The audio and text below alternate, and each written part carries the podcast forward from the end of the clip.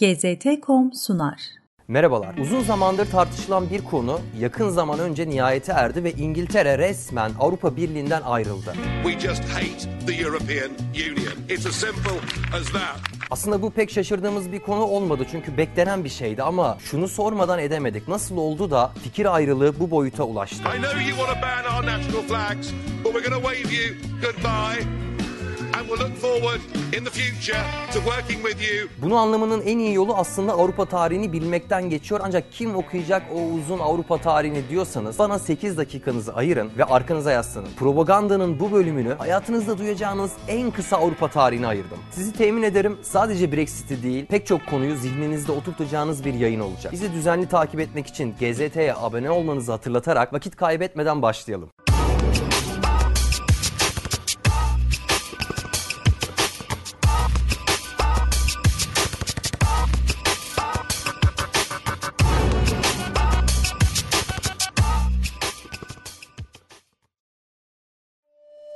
Beyaz adamın Amerika'yı, Afrika'yı, Avustralya'yı işgali çok konuşulur, çok bilinir. Ancak işgali üzerine neredeyse hiç konuşulmayan bir kıta vardır ki yakın dünya tarihi bu işgal ile şekillenmiştir. Avrupa kıtasının işgali. Evet bugünün Avrupa'sını kuran hakim uluslar Avrupa'nın yerlisi değiller. Kavimler göçünün son halkası olarak kıtaya geliyorlar. Avrupa'ya girmeleri ardından baskın kültürleri ve savaşçı özellikleri ile tüm kıtayı kısa sürede ele geçiriyorlar. Günümüz Avrupa'sında bildiğimiz ne kadar güçlü ulus varsa tarih sahnesine çıkışları bu muhacir kavimlere dayanıyor. İsim isim belirtmek gerekirse Almanlar Cermenlerden, Fransızlar Franklardan, İngilizler Anklar ve Saksonlardan, İtalyanlar Lombardlardan, Danimarkalılar Juteslerden gelmektedir. Bu bilinmesi gereken birinci temel konu. Bilinmesi gereken ikinci temel bilgi ise şu. Avrupa'yı işgal eden muhacir kavimler kendi aralarında da eşit değiller. Ortak inanışlarına göre dünya arazisinin yönetimi Tanrı tarafından içlerinden bir kavme, Cermenlere verildi. İnançlarına göre ana ikameti bugünkü Alman toprakları olan bu kavmin mensupları dünyanın tek meşru hükümdarları ve bu yetkiyi Tanrı'dan alıyorlar. Cermenler mavi kan, insanlığın geri kalanı kırmızı kan. Cermenler asil, insanlığın geri kalanı ise sadece bir sürü. Bu inanış ve bu inanışa sadakat Avrupa'da bugünlere kadar uzanan bir gelenek. Modern Avrupa'nın tarihindeki tüm meşru hanedanlar bugünkü Alman topraklarına ve bu topraklarda yaşayan bir soya, Cermenlere dayanıyor. Örneğin İngiltere'ye bakalım. 1700'lerde bugünkü İngiltere'yi yöneten Cermen soylu Hanover hanedanlığı ismini Almanya'nın Hanover şehrinden alıyor. Almanya'nın Coburg ve Gotha şehirlerinden gelen Cermen soylu kuzenleriyle birleşen bu hanedanlık 1800'lerde Saxe-Coburg-Gotha hanedanlığı olarak anılmaya başlıyor. 1900'lere gelindiğinde 1. Dünya Savaşı çıkıyor ve İngiltere'de Alman isimleri olan düşmanlık artmaya başlıyor. Tabi hanedanın Alman ismi de halktan tepki çekiyor. Bunun üzerine hanedanlık ismini bir İngiliz ismine değiştiriyor. Bugünkü kraliçenin de dahil olduğu Windsor hanedanlığı bu isim değişikliği neticesinde tarih sahnesine çıkıyor. Fransa'ya bakalım. Fransa'yı tarih sahnesine çıkartmış olan Jabet hanedanlığının kurucusu Hak Jabet, Avcı Henry olarak bilinen meşhur Alman kralının torunu ve kan olarak Alman Habsburg hanedanlığına bağlı. Yani bir Cermen. Daha sonrasında Fransa'da hüküm süren Bourbon hanedanlığı da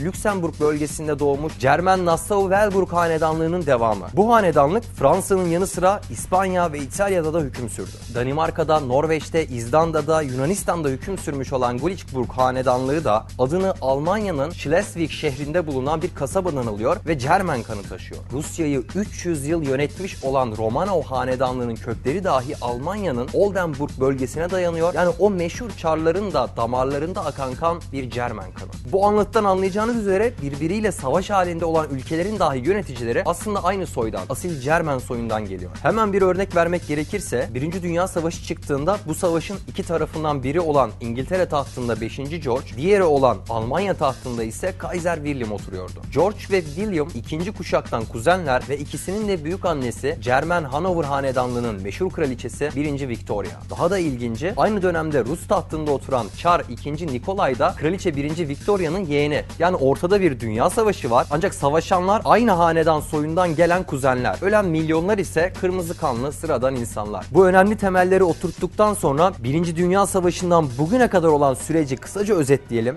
ve Brexit'e gelelim. Birinci Dünya Savaşı'ndan önce Almanya'yı yöneten hanedan İngiltere ve Fransa'yı yöneten kuzenlerinden hakkı olarak gördüğünü istiyordu. Tanrı tarafından Cermenlere verildiğine inanılan dünya arazisinden daha fazla pay. Sulh yolu ile çözüme kavuşamayan bu talep kuzen hanedanların birbirleriyle savaşması ile sonuçlandı. Elbette bu savaşta ölecek olan milyonlar iki Cermen hanedanın da umrunda değildi. Savaş neticesinde Almanya yeniliyor, Almanya'yı yöneten Cermen hanedan perde arkasına çekiliyor, İngiltere'yi yöneten hanedan mutlak bir zafer kazanmış gibiyken çok geçmeden ikinci saldırı için Hitler Almanya'nın başına atanıyor. Nihai bir sulh anlaşması ancak 2. Dünya Savaşı neticesinde yapılıyor. Bu anlaşmaya göre Almanya İngiltere'nin dünyadaki hakimiyetini kabul ediyor. İngiltere de Almanya'ya kıta Avrupa'sının idaresini bırakıyor. Fransa'yı da bu idareye ortak yapıyor. İşte bu sulh anlaşmasının adı Avrupa Birliği. İngiltere gözetiminde bir Berlin-Paris ittifakı. Ardından adının içinde Avrupa olmasının gazına gelen Avrupalı uluslar güle oynaya kendilerini Berlin hükümdarlığına sokuyorlar.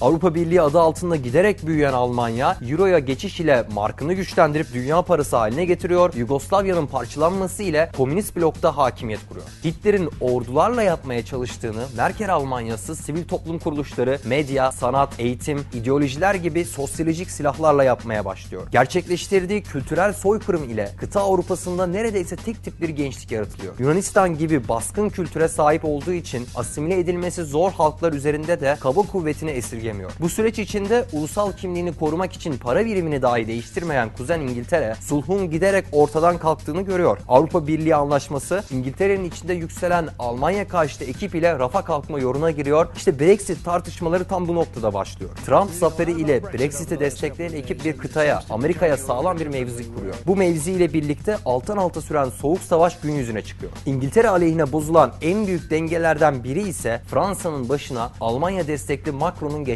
oluyor. Bir Berlin-Paris ittifakı olan birlikte Paris artık Berlin'in eline geçiyor ve büyük bir cesaretle Almanya ile ortaklaşa bir Avrupa ordusu kurma fikrinden bahsederek açık şekilde İngiltere'ye diş gösteriyor. Ve İngiltere'de yükselen sulh karşıtı düşünce tüm tehditler karşısında halktan da aldığı destek ile artık sadece ismi kalan Avrupa Birliği'nden ayrılıyor. Yani açık şekilde sulhun sonlandırıldığını ve birliğin artık bir birlik olmadığını tüm dünyaya duyuruyor. İşte Brexit'i daha açık hale getiren kısa Avrupa tarihi bu. Sulhun ilan edildiği, hanedanların perde arkasına çekildiği ve vitrine bir makyaj olarak demokrasiyi yerleştirdiği Avrupa'da gerilim arttıkça kuzen hanedanların yeniden sahaya ineceğini, uyuyan kralların uyanacağını ve çatışmaların çok daha sert bir hal alacağını öngörüyorum. Game of Thrones'u sadece bir dizi sananlar için taht oyunlarına hoş geldiniz diyor ve yorumlarınızı bekliyorum. Ben Murat Soydan, izlediğiniz için teşekkür ederim.